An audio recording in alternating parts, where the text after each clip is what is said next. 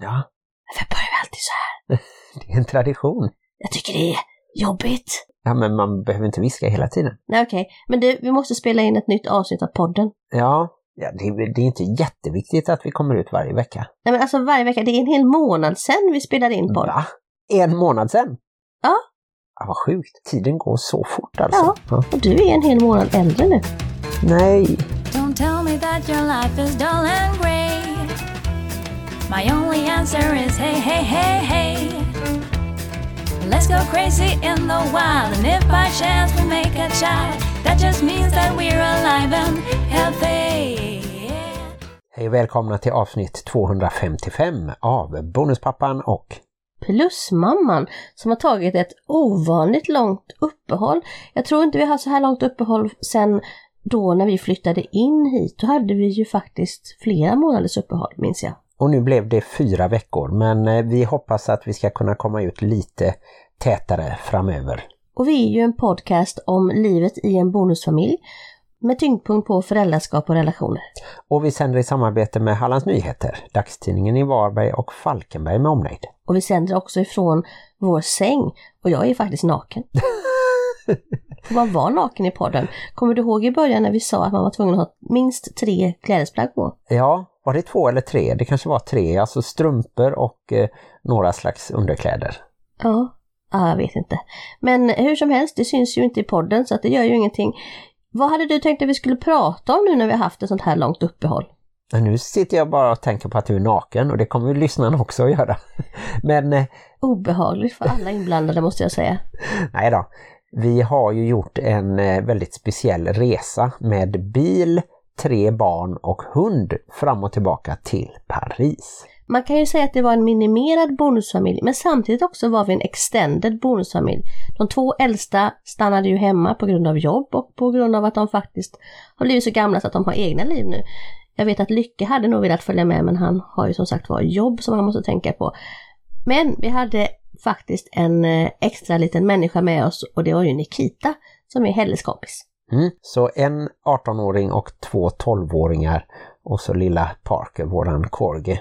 som är ett och ett halvt år som Martin berättade för varenda människa vi mötte på hela resan. He is only one and a half year. Yes, he's a corgi from Sweden. Så dagens tema för podden slår vi alltså ihop med Hänt i veckan. Så nu kommer eh, en berättelse om hur det är att resa ihop i en bonusfamilj. Ja, jag kommer ju vara den som hela tiden ska dra in podden på just att vara en podd om bonusfamiljer.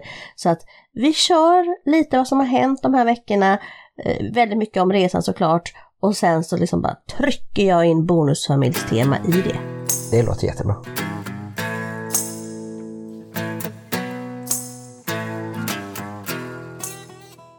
Okej, men då tycker jag ändå att vi börjar där vi slutade så att ifall man nu lyssnar på den här podden så får man en kontinuerlig känsla av att vårt liv fortsätter.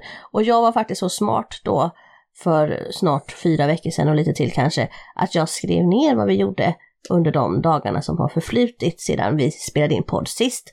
Och det var den 15 oktober. Och nu är det väl då, det är ju fars dag idag. Det är den 13 november. Hur som helst, då för en månad sedan så var vi på Ullareds krogshow, kommer du ihåg det? Jaha, just det. Ja men det var trevligt. Ja, vi klädde upp oss och eh, gick iväg utan barn, som inte är så ofta förekommande sedan pandemin slog ner oss då för några år sedan.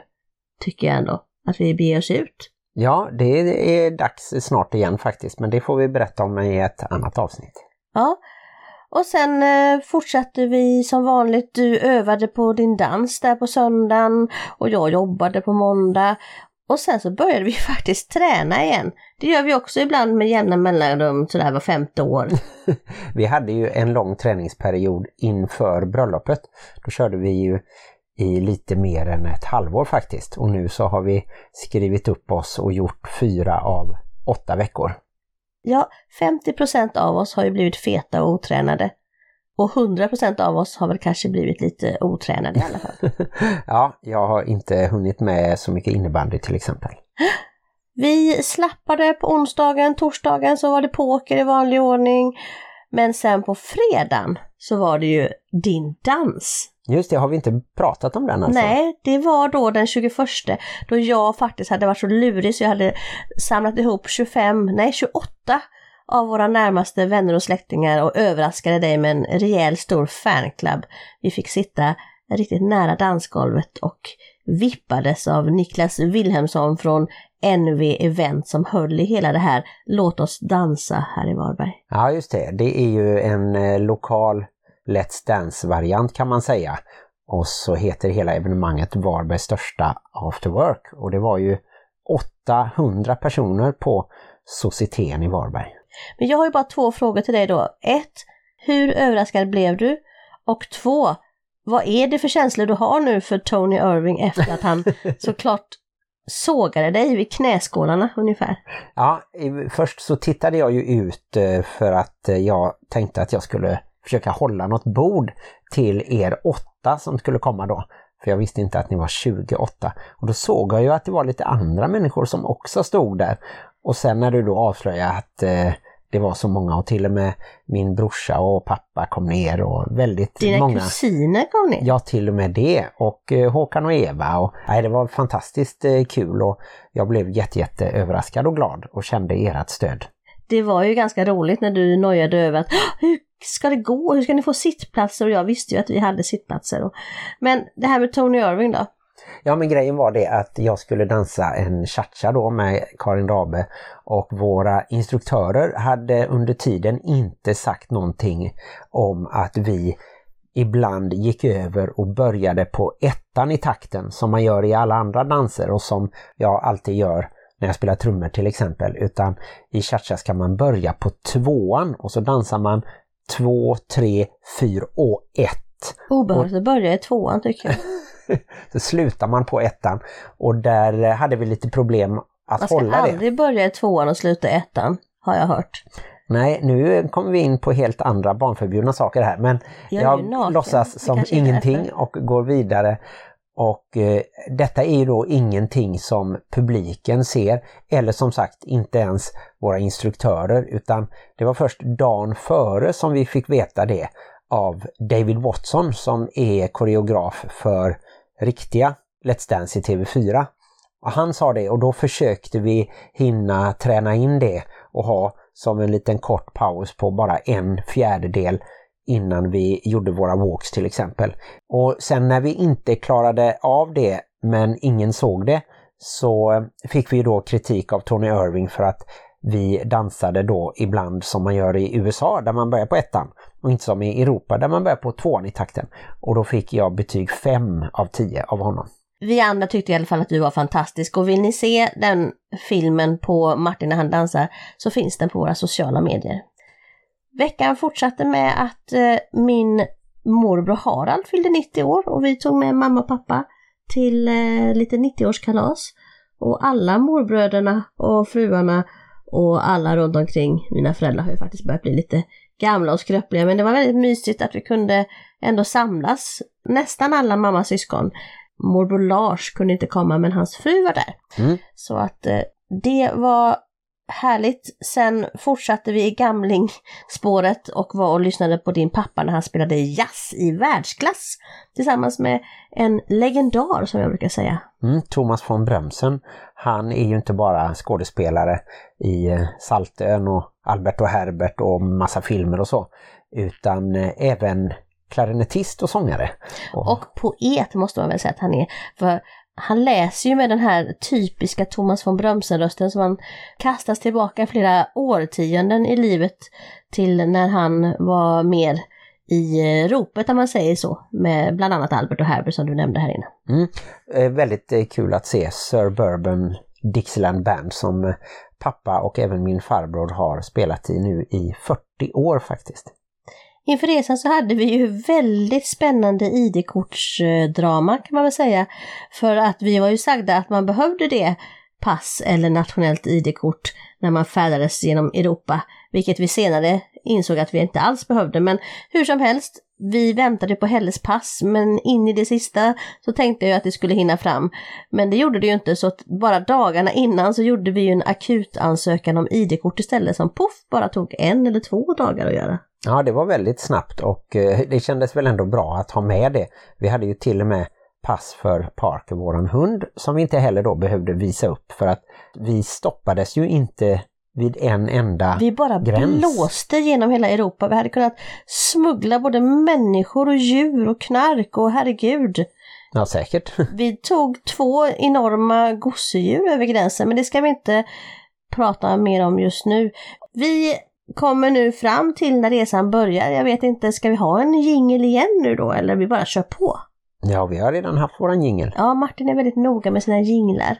Jag jobbade ju faktiskt natten innan vi åkte. Det var väl kanske lite väl tufft och sen så var jag faktiskt ganska vaken när vi då gjorde första sträckan till eh, Danmark först via Helsingborg Helsingör. Mm. Och sen så korsade vi Danmark och drog in i Tyskland då helt utan att visa pass som vi sa innan via Rödby Puttgarden.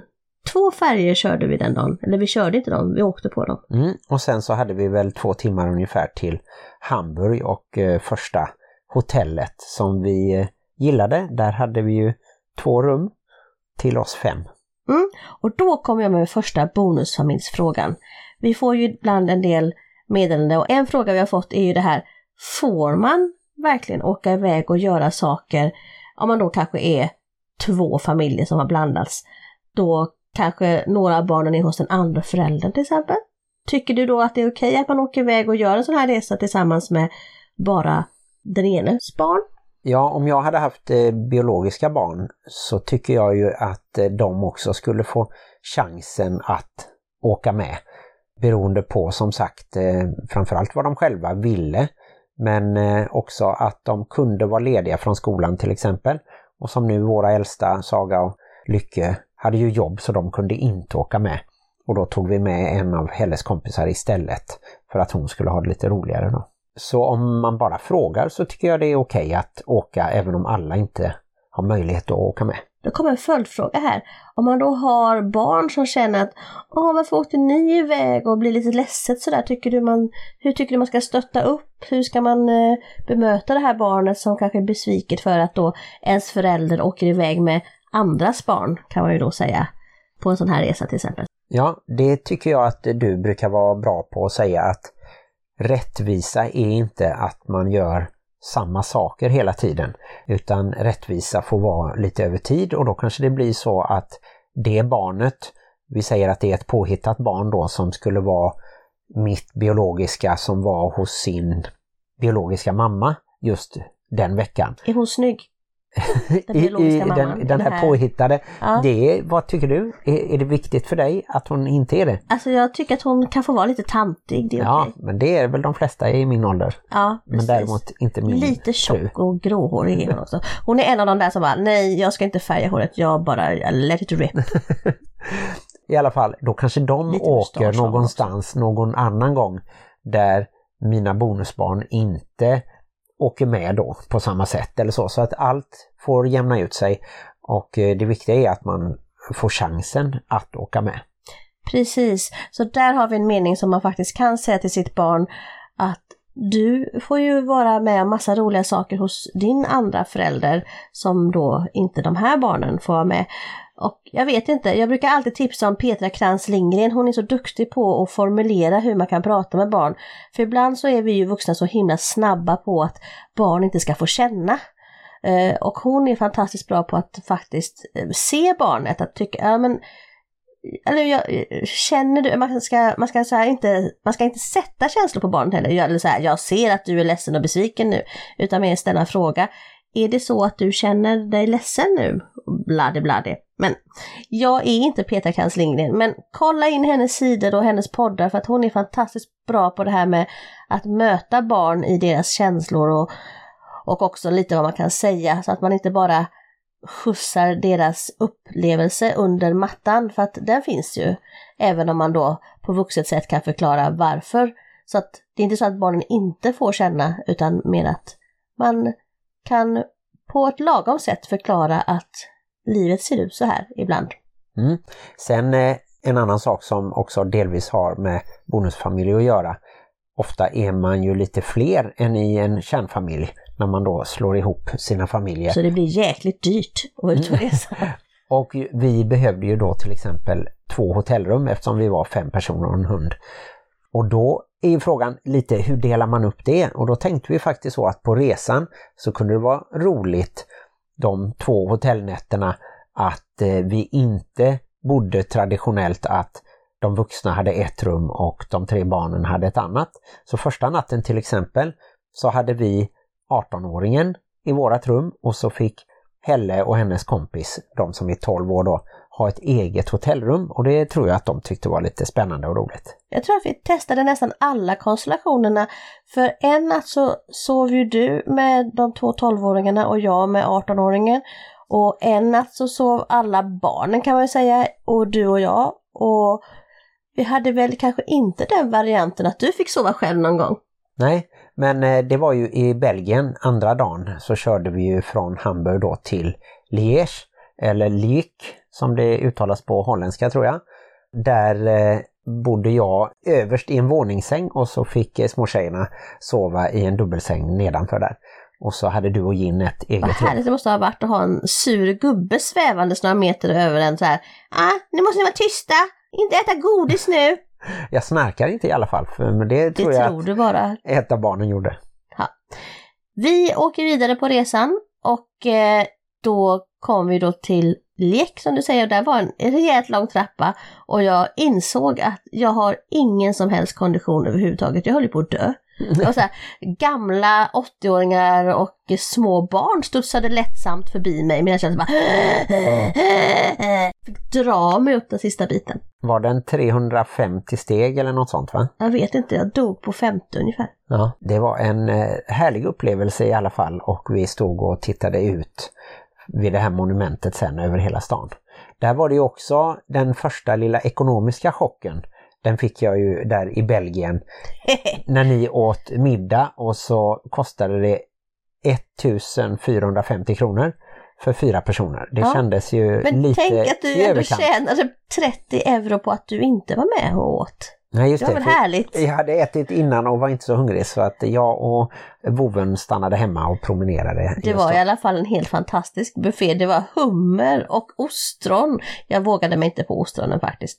Men eh, det var nog den maffigaste och dyrbaraste, även om den kostsam var också, buffén jag någonsin har ätit. Mm, det blev ju ett eh, minne för livet i alla fall för alla som var där åt. Ja. Vi tuffade vidare över nästa landsgräns. Du trodde vi åkte in i Holland, Nederländerna, men det gjorde vi faktiskt inte utan vi passerade strax nedanför och åkte då in i Paris. Mm. Jag vet inte om vi var på någon åttafilig väg eller hur, hur brett det var. Men eh, det gick ju oväntat bra ändå att köra på GPS och hitta fram till hotellet. Det var väldigt spännande för hotellet låg ju mitt inne i stan. Eh, Ett stenkast från eh, ringaren i Notre Dame höll jag på att säga. Han är väl inte där men Notre Dame i alla fall. Och jag var väldigt imponerad av hur du körde där för att de är ganska aggressiva, både taxichaufförerna och urinvånarna i Paris. Ja, man får eh, inte bli stressad av att någon ligger bakom eller kör om och framförallt Eller var de har det en ju... jättestor bil med stor takbox. Ja, det var väl mest eh, alla vespor och eh, motorcyklar som eh, körde mellan bilköerna så att man blev lite orolig så. Men, nej, men det gick bra och hotellet var som sagt väldigt nära Pont Neuf, en av broarna över Seine. Mm. Och då kommer jag in här med nästa bonusfamiljs input och det är ju det här med mat. Det här kan ju vara en issue i vanliga kärnfamiljer också, men jag tror att det är ett större hinder just i ombildade familjer, det här med att man äter ganska olika sorters mat och kanske också vid olika sorters tider och man har olika varianter av hur man äter på just resor. Jag vet att vissa familjer packar ju med sig typ 20 mackor och så klarar de sig den dagen. Andra familjer kanske är vana vid att men vi köper våra mat när vi är ute. Hur ska man få ihop det om man då är en bonusfamilj som är ute på resa när det gäller just mat? Mm, det är en stor fråga. Vi kan väl börja med att säga att jag hade ju fått i uppdrag att köpa till exempel kex och kakor och frukt och lite dricka och sådär att ha i bilen. och Martin fick nog typ en aneurysm eller någonting inne på Willys för tydligen kom han ut med kex och kakor och frukt för 2000 kronor. Vad hände Martin? Jag köpte ju godis också så jag var även på Dollarstore men sammanlagt så blev det ungefär 2000 och eh, vi hade ju faktiskt med kanske en tredjedel av det tillbaka. Men, Men jag eh, har jobbat på hårt för att Ja. omvandla de bruna bananerna och de stötta äpplena till nya fina saker som kakor och bröd nu i efterhand. Men du tog verkligen i när du eh, packade. Ja, det var lite överdrivet. snacks. Eh, Och sen så blev det ju att vi stannade faktiskt just på resan på McDonalds.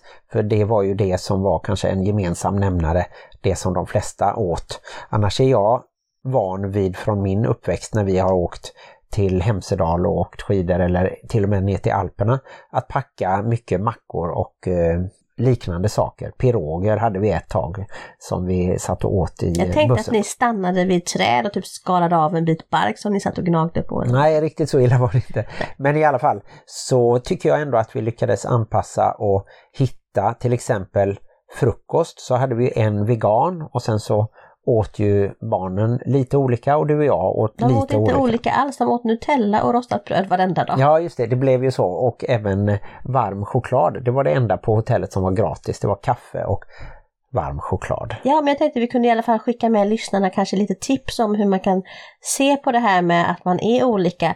Och tips nummer ett är väl att bara acceptera att man är olika och inte som stå och tjafsa om just det. Att, ja men varför gör ni så? Så här gör man ju. För att båda två har ju både rätt och fel. Det är ju ingen svart och vit situation egentligen. Nej, vi hade ju dessutom eh, ett litet kök i lägenheten eller hotellrummet så att vi kunde ju faktiskt köpa hem och ha till exempel frukost och vi åt väl en lagad måltid per dag i snitt hemma och så åt vi en ute på stan då. Ja, och eh, tipset jag då också slänger med är att man kanske inte måste vara så traditionell. Som vi sa här innan så valde ju du vid flera tillfällen att faktiskt inte vara med om vi gick på restaurang. Vilket vi tjänade en liten hacka på för att du är ju inte så liksom, restaurangig på det sättet som kanske barnen är. Och jag ser ju det mer som det är inte bara mat utan det är också en upplevelse. Man kommer till ett annat land, man får prata då med restaurangpersonalen och, och lite sånt. Att det blir som en, eh, en happening bara det. Det är inte bara att få mat i magen.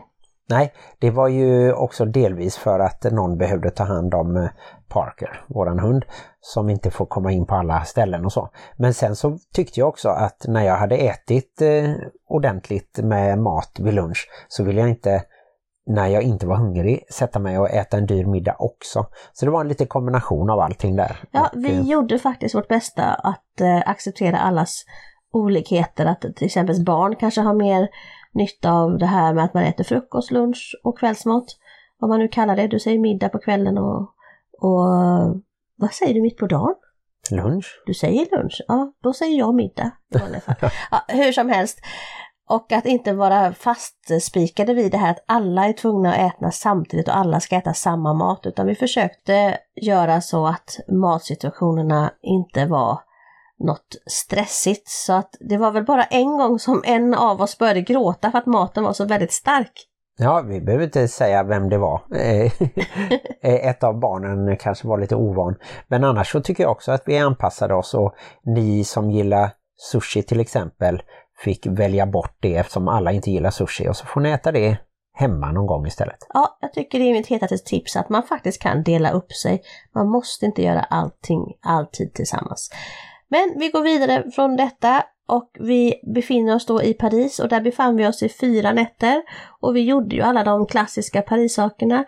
Där delade vi faktiskt också upp oss. Ni gick upp i Eiffeltornet och jag och 18-åringen stannade nedanför tillsammans med hunden. Mm. Vi kom ju upp till andra nivån där på 150 meter är det väl ungefär och sen så var alla biljetter slutsålda, gick inte att köpa till hissen upp till tredje plattformen, varken på nätet eller på plats. Men eh, vi var väldigt nöjda över det. Där var det också många trappsteg. Jag tror det var en 700 upp och Jag är glad att jag slapp. Vi kan väl tipsa om att Louvren kan man komma undan ganska billigt med om man reser med europeiska barn som inte är så gamla. Ja, alla barn har faktiskt gratis inträde om man är under 18 och sen upp till 26 om man då bor i ett land som ingår i EU plus Norge och Schweiz är det väl också då? Ja, och på Louvren får man också komma in gratis om man är journalist. Så det var bara jag som behövde betala för jag är en gammal kärring som inte jobbar som journalist och inte är ett barn av Europa höll jag på att säga. Jag platsade inte in under någon av kategorierna i alla fall. Vad gjorde vi mer? Vi gick en väldig massa. Vi gick upp och såg triumfbågen och eh, vi hittade väldigt många spännande hundar. Parker var ju väldigt poppis alltså. Folk stannade och fotade honom och var alltid glada och pratsamma och, och du gillade ju inte riktigt Paris för att du inte kunde prata med alla. Men du hittade ju ett gemensamt språk där en kväll. Ja, det var en av kvällarna när jag hittade ett eh, jazzjam och då kunde jag ju musikaliskt eh, prata med fransmännen där. Så jag hoppade upp och spelade två låtar i en liten eh, källarlokal. Jag tyckte att du blev på väldigt mycket bättre humör, inte för att du var på så väldigt obra humör, men du blev väldigt mycket gladare då efter det där jammet. Så att vi kanske ska börja alla resor med att du får gå och jamma där vi är i fortsättningen. Ja men det var roligt. Sen så tycker jag att det gick eh, oväntat bra att prata engelska jämfört med hur det var när jag var i Paris då sommaren 1990 när jag upplevde att fransmännen var surare och sämre på engelska. Och jag var ju några gånger ute på stan själv med Parker och eh, tyckte att det var roligt med den uppmärksamheten. Bland annat då när vi gick till eh, Sacré-Cœur, den här stora katolska basilikan, den stora kyrkan i Montmartre. Och där så stannade jag även på gatan där min mormor och morfar bodde 1968 när de var nere tillsammans med mina föräldrar på min farbror och fasters bröllop.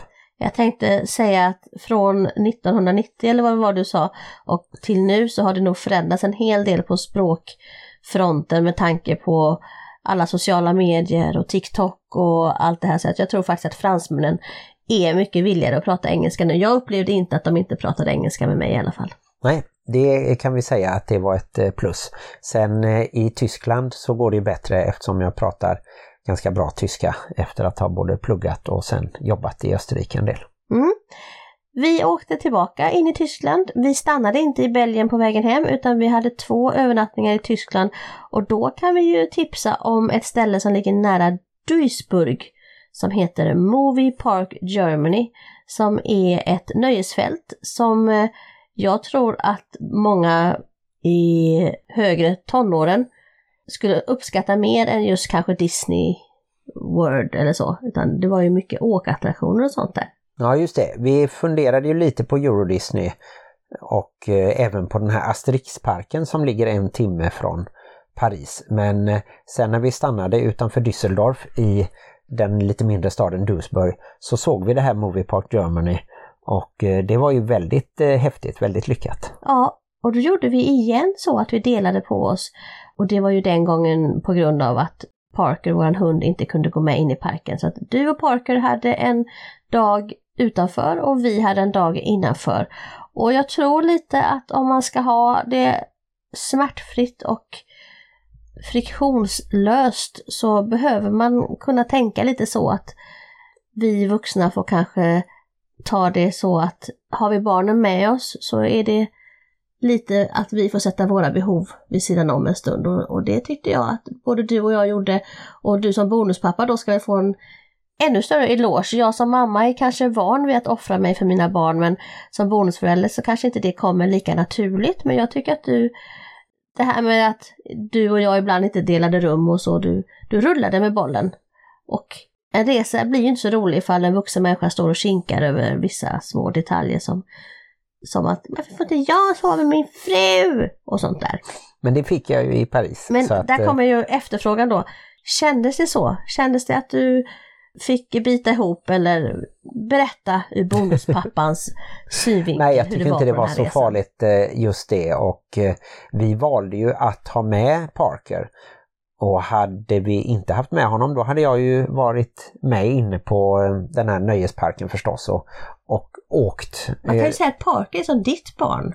Ja, just då så blev han ju det. Ja, och då fick ju du spendera tid med ditt barn. Det var ju fint. Ja. Nej, jag tycker det var helt okej och eh, valet att du skulle gå då med två biologiska barn och minstlingens kompis var ganska givet. Så det, det tyckte jag inte kändes konstigt att jag skulle liksom offra mig eller så. Nej, jag tänker att det är en stor del av att du faktiskt har orkat och kunnat navigera dig i bonusfamiljslivet alla dessa år.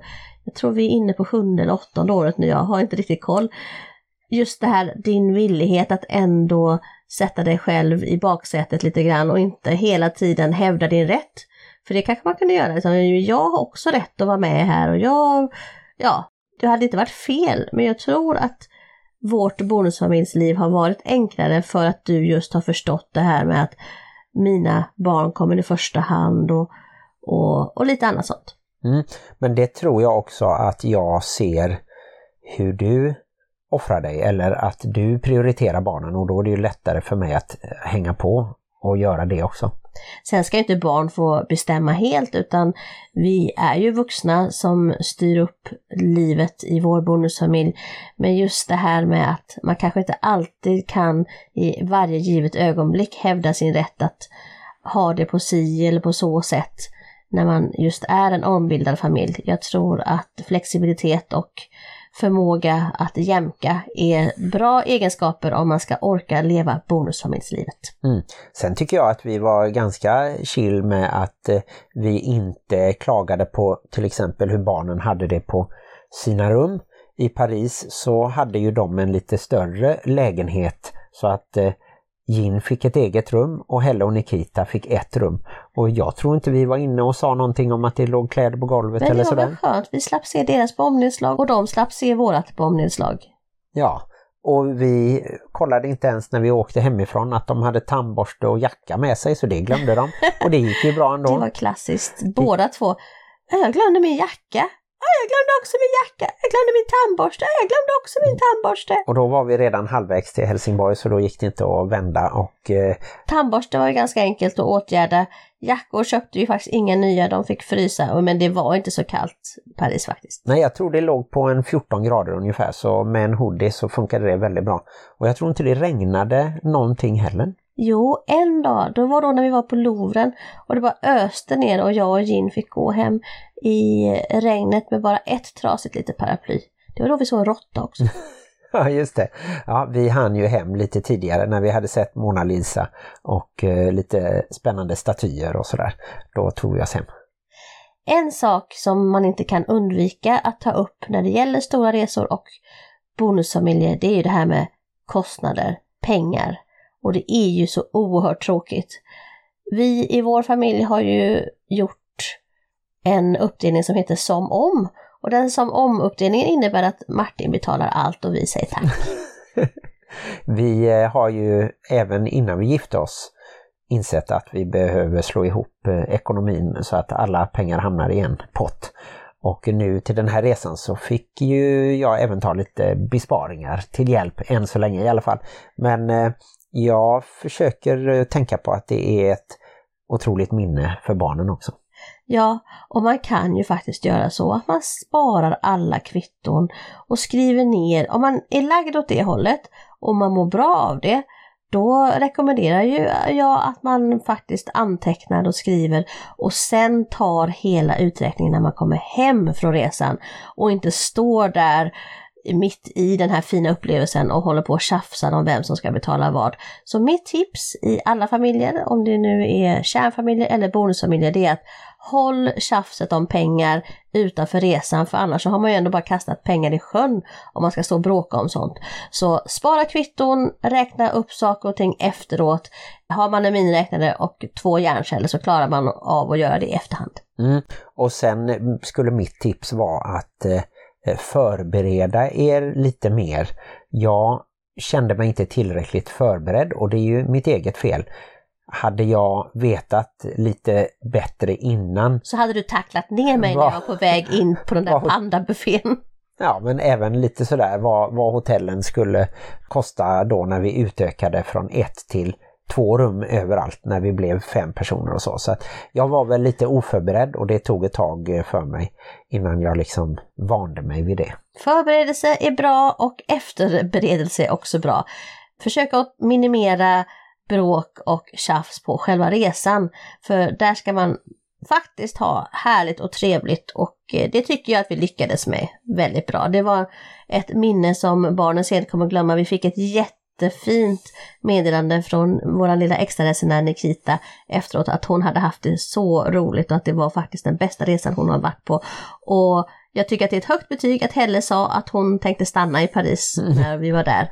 Ja. Så att eh, det var ett minne för livet, det tror jag på många sätt. Så att ja, om vi ska summera att resa, bonusfamilj och Eh, kontra kärnfamilj. Vi har ju båda två växt upp i kärnfamiljer, du och jag, så vi skulle kunna göra en liten jämförelse så här snabbt på slutet. Ja, jag tror inte egentligen att det är så jättestor skillnad för oss eller liksom för mig om jag hade gjort en sån här resa med biologiska barn. Om, om våra barn även hade varit mina biologiska barn. Spontant så tänker jag att det är lite samma problem då när jag var liten och åkte med mina föräldrar och min eh, lillebror och när du var iväg. Jag tänker att man stöter på ungefär samma problem att barnen kanske inte vill göra alla saker som de vuxna vill göra och att det är dyrt fast på ett annat sätt då och sådär. Jag vet en sak som har varit standard på alla resor ända sedan bilen först började rulla då någon gång på 20-talet eller vad ska man säga? Ja, säkert. Det är att det alltid sitter ett barn i baksätet och säger Är vi framme snart? Hur långt ska vi åka? Eller, jag är kissnödig. Ja men varför kissade du inte när vi stannade för en, en kvart sedan liksom och åt? också. Ja, men det löste sig allting. Så att, eh, nej, jag tycker att man ska våga resa och sen som sagt får man ju också vara beredd på om man gör en bilresa på 300 mil och i vårat fall då när det bara var en person som hade körkort att det är Alltså lite jag har kämpigt. körkort men det var ingen som ville köra moppe hela vägen till Paris. Just det. Det är ju en hel dag med eh, koncentration och eh, några gånger så tyckte jag att det var svårt för att GPSen i bilen inte visade samma som GPSen på din telefon. Och eh, det tycker jag ändå att det löste sig. Jag körde av i vägen höll jag på att säga, inte körde av vägen, men jag svängde av för tidigt en gång. Du Och, körde jättebra, jag är men jättenöjd. som helhet 300 mil När du så... körde i de där stora rondellerna inne i Paris, jag var mäkta imponerad. Jag hade ju bara, jag hade bara lagt mig där. Jag bara, nej, jag tänker inte köra. Jag bara, jag är kvar här.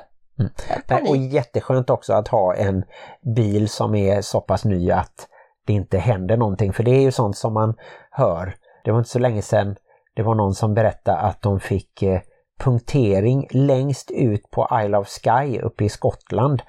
Där det knappt var mottagning för mobilen. Och då hade de en hyrbil som inte hade reservdäck. Så då var de tvungna att gå upp för berget tills de kom och fick lite mottagning och sen försöka ringa efter någon bärgare och vänta eh, i flera timmar på att eh, ens kunna ta sig tillbaka och så. Så att eh, det var ändå väldigt lyckat allt som gällde bilen. Mm. Och om jag får summera att resa med bonusfamilj och då vad jag skulle vilja skicka med er som lyssnar, det är ju då nummer ett. Tjafsa inte på själva resan, tjafsa innan och tjafsa efter.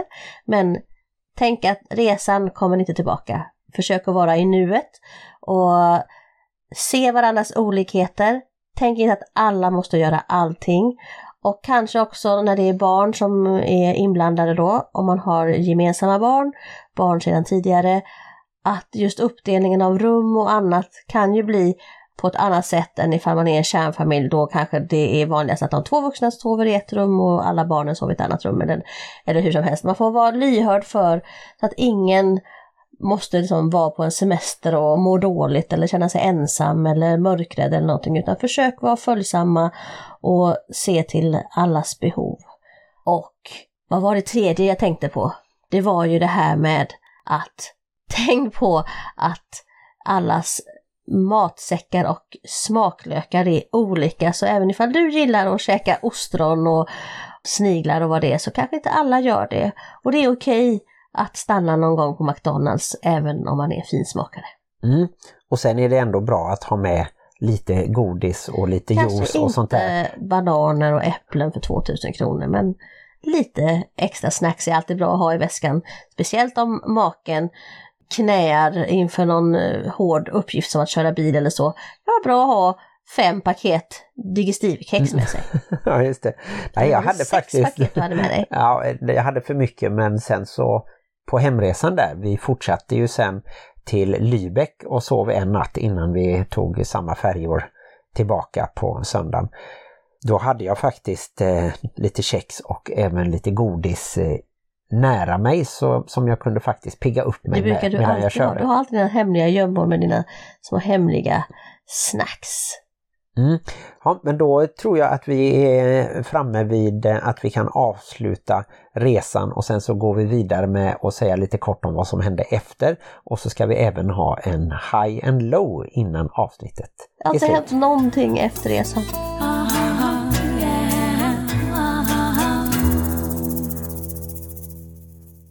Vi glömde ju säga att Nikita faktiskt fyllde år när vi var i Paris. Ja just det, vi ordnade både tårta och en liten present. Ja, jag tänkte bakat en tårta men utan elvisp och utan riktig ugn så la jag ner det projektet och vi köpte en tårta där. Mm. Det var faktiskt väldigt duktigt av Nikita att vara iväg en hel vecka utan sina föräldrar. Det tänkte jag på ibland. Ja, hon var jätteduktig. En härlig liten resemänniska att ta med sig. Mm.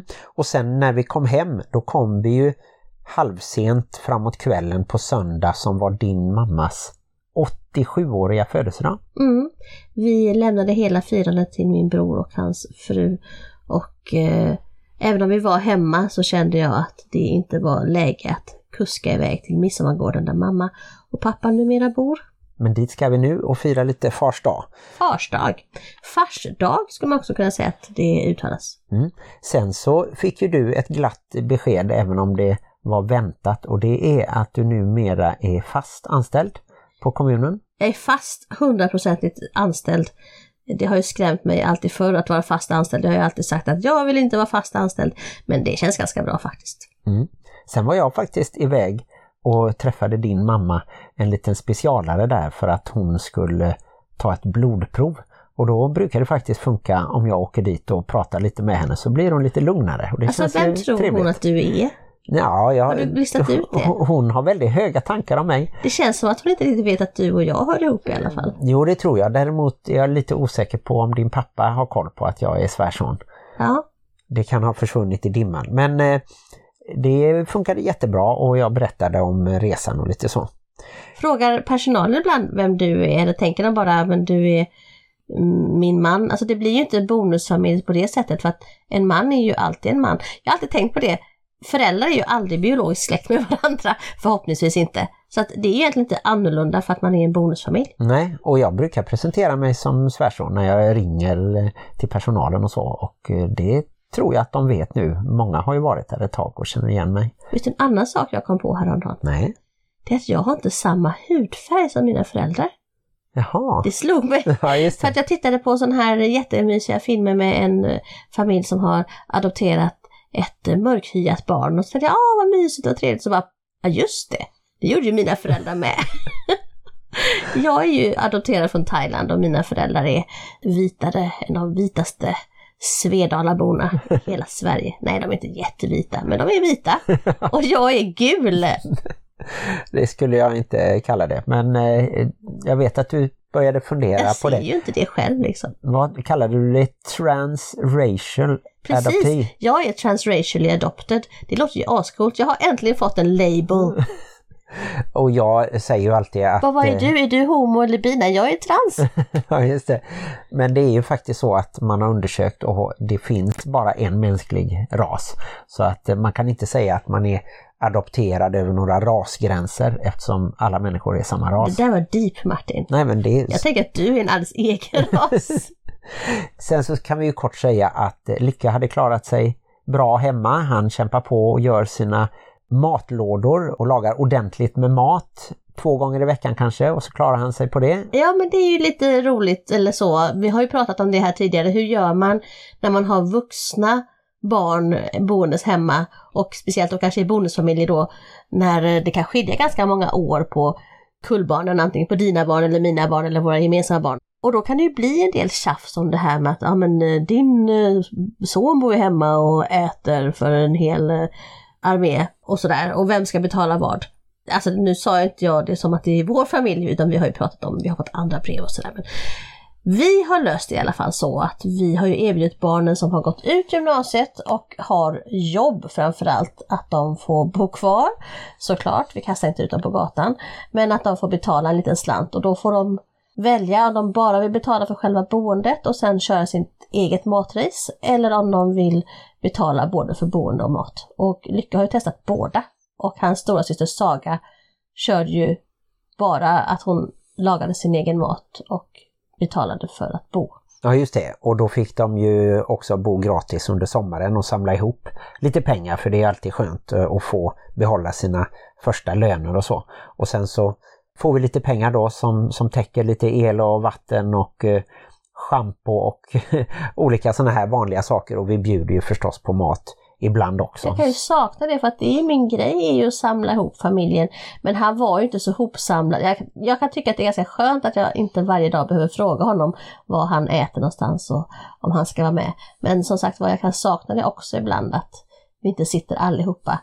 Och jag tyckte det var extra mysigt häromdagen när Saga kom hem och satt och åt med oss en stund för att det var ju länge sedan sist. Ja just det, och sen så var hon här och lånade Parker och då hade hon ju jag vet inte, får vi nämna Amadeus? Ska vi nämna Amadeus? Han är väl officiell pojkvän? Jaha. Ja. ja, men då nämner vi Amadeus då. och eh, de lånade med sig eh, voven ut på en liten sväng och sådär. Jag tycker ändå att ett namn som Amadeus, det förpliktigar att man är... Om du tänker på Mozart, att han var ett geni. Man måste vara ett geni. ja. man måste vara musikal. Alltså, det känns ändå som att det är ett ganska tungt namn. Mm.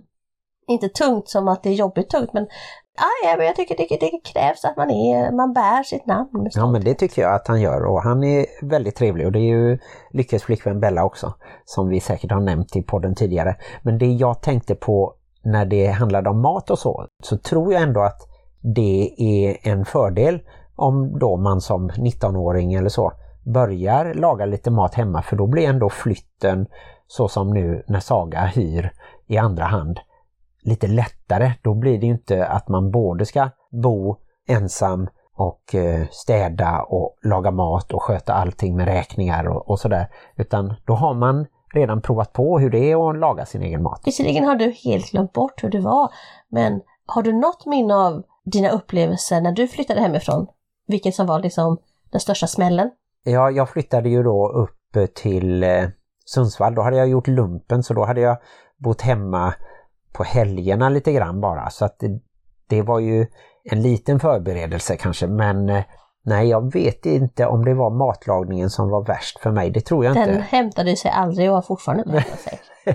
Utan det var säkert eh, själva saknaden men samtidigt så hände det ju så mycket roligt där när jag började plugga. så att eh, Digestive-kex har byggt denna kropp. Nej men det var och nog väldigt mycket eh, pasta. Lasagne, frusen lasagne mycket makaroner. Men eh, sen så kom jag på en annan sak. Och det Men vill är... du inte veta innan det vad som var den största omställningen för mig när jag flyttade hemifrån? Jaha, ja men det vill jag gärna veta. Det var att jag var tvungen att döda spindlar själv. Ja, ah, just det. Och jag nu har ihåg... du ju mig. Ja, men jag kommer ihåg, jag och flyttade ju faktiskt 50 mil bort. Och en dag så ringde jag min pappa och sa Pappa, det är en spindel här, du får komma och döda den. Och jag, alltså jag menade det allvarligt när jag sa det, men han bara, men Maria, jag är i Falkenberg, du är i Tierp, det är 50 mil bort. Mm. Den här gången, min pappa har faktiskt åkt och hämtat mig på massa konstiga ställen och, och skjutsat men inte mig 50 mil bort. halva världen. En gång åkte han ända till Helsingborg bara för att Oj. jag hade hemlängtan. Men det är en helt annan historia. Vet du vad jag gjorde då? Nej. Jag släppte en telefonbok på den och sen så fick den det kanske inte alla vet vad det är, men det är en väldigt tjock bok där det stod telefonnummer förr i tiden som jag då släppte på den här stackars spindeln och sen fick den ligga där tills pappa kom och tog bort den. Alltså han kom några, några dagar senare eller veckor senare, jag kommer inte ihåg. Men eh, så var det. Spännande. Mm. Och sen så tänkte jag ju på det då att eh, Saga ska ju snart hyra en annan etta i andra hand. Och där var jag ju glad över att jag kunde hjälpa till och övertala bostadsbolaget att deras regler inte var helt logiska med att om man ska prova att vara sambo, då måste man ju få göra det i en ny lägenhet som är större om båda har små lägenheter. Men här var det lite så att nej men ska du hyra ut din lägenhet så får du inte ha ett annat förstahandskontrakt utan då måste du flytta till någon som redan har en stor lägenhet eller ett hus eller så. Jag tycker det är fint med dig att du står upp för ologiska regler. Det, alltså det finns så många ologiska regler och jag gillar de som faktiskt vågar säga nej, vänta lite här nu. Nu har ni inte tänkt till ordentligt. Och sån är du. Mm. Sedan kan jag väl tycka att det är tråkigt då för de som accepterar till exempel bostadsbolaget att de kör och ger avslag plötsligt utan någon bra motivering.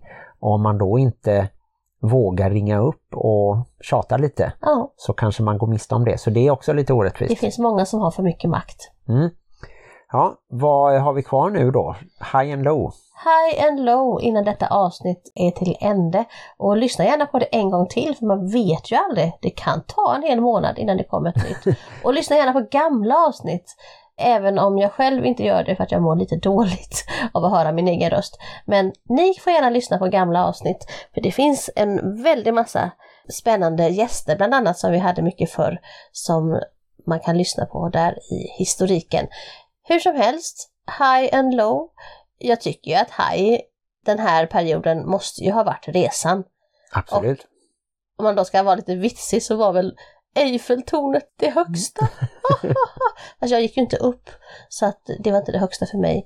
Utan det högsta för mig är faktiskt de gångerna som du bara rycker in och är hjälte. Så när du var hjälte för min mamma och när du var hjälte för min kompis Marie och när du är hjälte för våra barn. Alltså jag blir alldeles varm. Det spelar egentligen ingen roll hur många gånger du säger till mig att du älskar mig och tycker jag är vacker och försöker köpa saker till mig eller så. Det är när du är en fantastisk människa i människorna runt omkring migs liv. Det är då jag liksom verkligen vet att jag har valt rätt man. Tack så jättemycket. Det värmer verkligen att, att höra det och det är ju inte för din skull som jag gör det men det blir ju som en bonus att du tycker om när jag ställer upp så. Ja, jag älskar när du är omtänksam och snäll. Ja, och jag eh, plussar gärna tillbaka apropå resan. För det som jag kände där jag var helt trygg, det var ju de gångerna när du och barnen till exempel skulle ta metron hem, tunnelbana själva från Sacré-Cœur där Montmartre och jag skulle promenera med Parker. Jag är ju aldrig orolig att något skulle hända med dig eller barnen. Vilket tur då att du slapp se scenariot när metron var helt fullpackad och Nikita och Helle hoppar in i liksom dörren framför och jag och Gin i dörren efter. Och det är typ så att Gin hänger halvvägs ut och jag har ingen aning om ifall eh, Helle och Nikita har kommit på där fram för det är helt sönderknökat. Och sen får jag så skrika över så här, nu ska vi hoppa av! Men eh, allt sånt och även då till exempel var ni ju på en thailändsk restaurang med en väldigt speciell dam där som pratade med er hela tiden och eh, kom och ställde fram massa mat och eh, sådär. Hälsa till, ja, hon sa inte det på svenska såklart, men hon sa hälsa till din man och till din hund. Och, ja, ja, det var väldigt spännande. Ja, hon såg dig som en syster på något sätt. Ja, Och så. det sa hon. Mm. Vi är thai, sa hon, så vi är som systrar. Så, I am auntie, sa hon till mina barn. Auntie var Ja, det var en upplevelse men de gångerna så att säga när jag var iväg med Parker och du skötte om barnen så var jag aldrig orolig och även om du kan ibland kanske tro att jag ser dig som oansvarig eller inte som eh, en vuxen eller en, en, eh, duktig Jag förälder har eller aldrig så. tänkt för du sa det. Nej, men jag har fått den vibben någon gång eller så men jag litar 100% på dig och vet att du inte. är jättebra på att ta hand om barnen mycket bättre än mig. Så Det är så spännande att du liksom så här, du plussar mig för att du är trygg i att jag tar hand om mina nej, men jag barn. tyckte att du gjorde väldigt bra på resan de Ja, gångerna men tack när Martin, vi tack. var Jag ifrån har alltid varandra. känt att Nej, om du det är skulle härligt att du på tycker det. att jag tar hand om mina barn. Ja, Nej. jag börjar gråta. Var så Ja, jag roligt. kanske formulerade det konstigt. Men, ja, men eh, det var fint ändå. Jag tycker det är för fin egenskap hos en man att du ändå liksom känner att det är fint. Att mamman till barnen eh, kan ta hand om sina barn. Det är skönt att du inte kommer att ringa soc eller något sånt där. Ja, förlåt. ja, nu finns det inte mycket mer att säga. Jo, vi måste säga vår En. low också.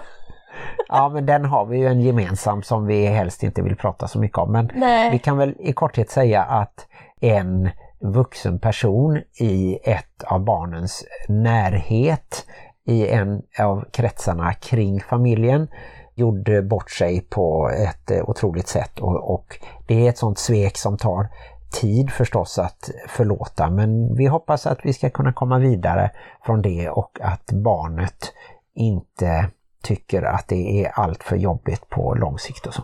Ja, så är det. Skrattet satte sig lite i eh, vrångstrupen kan man säga Ja. när du tog upp detta. Tvära Och det kast. är ju helt rätt att det var ju vår absoluta low. Och det är jobbigt som mamma när ens barn mår dåligt. Men jag tycker att bonusfamiljen slöt upp bra runt vår kärna och att vi ändå kan känna att vår familj står stadigt i trygghet och kärlek när sådana här saker händer. Så att det får väl vara en, en liten high, en liten guldkant på våran low. Och jättegulligt att eh, äldsta systern Saga skickade meddelande och sa att eh, ja men hon är välkommen och kan komma och hänga här hos mig och så. Den, den omhändertagande sidan är, är jättefin också. Ja, och Från även syskonen. de andra syskonen. Och Ja. Vi är ju en familj med typ 100 diagnoser men det känns som att när det händer något sånt här så kör alla den här rise above grejen och verkligen eh, bara sträcker ut sina händer i kärlek och omsorg och det tycker jag är jättefint att se. Ja, och en sån här händelse som vi har då blivit lite chockade av kan ju också ha en bakgrund till exempel i diagnoser. Så därför så kan man inte vara jättekritisk även om vi är besvikna. Vi är besvikna och ledsna, det är som bara förlorade. Men vi kan som sagt inte gå in närmare på det. Det kanske är jobbigt för er lyssnare att höra när vi säger A men inte B. Men så får det vara i det här fallet. Ja, och därmed så önskar vi er en fortsatt trevlig vecka. Och en riktigt god jul! Ja, inte än men Ifall snart. vi inte spelar in ett avsnitt förrän efter jul. Det tycker jag att vi ska ha som ambition att vi ska ha ett avsnitt till innan Alltså jul. jag har sett sjukt många Instagramkonton som har börjat liksom Ja nu är det jul, nu är det november. Du vet alla de här som har perfekta hem och, Ja, ja. och beigea kläder. De har väldigt mycket beigea kläder, de som är väldigt så här duktiga på att inreda. Mm. Ja, de sitter där med sina beigea kläder i sina beigea soffor. Och då menar jag inte beigea, jag menar det är positivt, det ser väldigt vackert och fint Ja, ut. ja. Men de har i alla fall börjat julpynta och det ger mig bara ångest. ja, vi kommer inte börja pynta Vi förrän pyntar ju senare. knappt när vi ska pynta. Det är som, ja, ah, ska vi dra in en gran i år? Eller ja, ja, vi gör väl det. Ja, i år kommer ju det bli lite julfirande hemma här hos oss på Ja, men julafton. kan vi inte pynta lite? Kan Jo, inte men du det ska vi pynta väl göra. lite? Kan inte du? Du gillar ju att handla saker på second hand. Du kan handla någon så här jävla tomte någonstans. Nu är det dags att gå vidare med andra saker. Glöm inte att livet i bonusfamiljen kan vara besvärligt. Men lyssna på den här podden så blir det härligt! Hej då! Hej då! Alltså varför spelar vi inte in podd oftare? Det är ju skitkul! Ja, vi får ta oss tid till det. Jag gillar det också. Ja, nu måste jag ta på mig kläder. Jag har varit naken större delen av den här dagen. Det är obehagligt. Och vi åker om 25 minuter. Tycker du det är taskigt att jag har så större rätt? Om jag skulle gå naken genom det här huset, det hade ju blivit uppståndelse och folk hade skrikit och slängt sig ner och sagt Oh my eyes! Men det hade ändå varit mer okej än ifall du hade travat naken genom det här huset. Fast just nu tror jag att vi för första gången på länge helt ensamma i huset. Så jag skulle kunna gå ut naken. Så, så du skulle också kunna bli naken? Stänger av nu.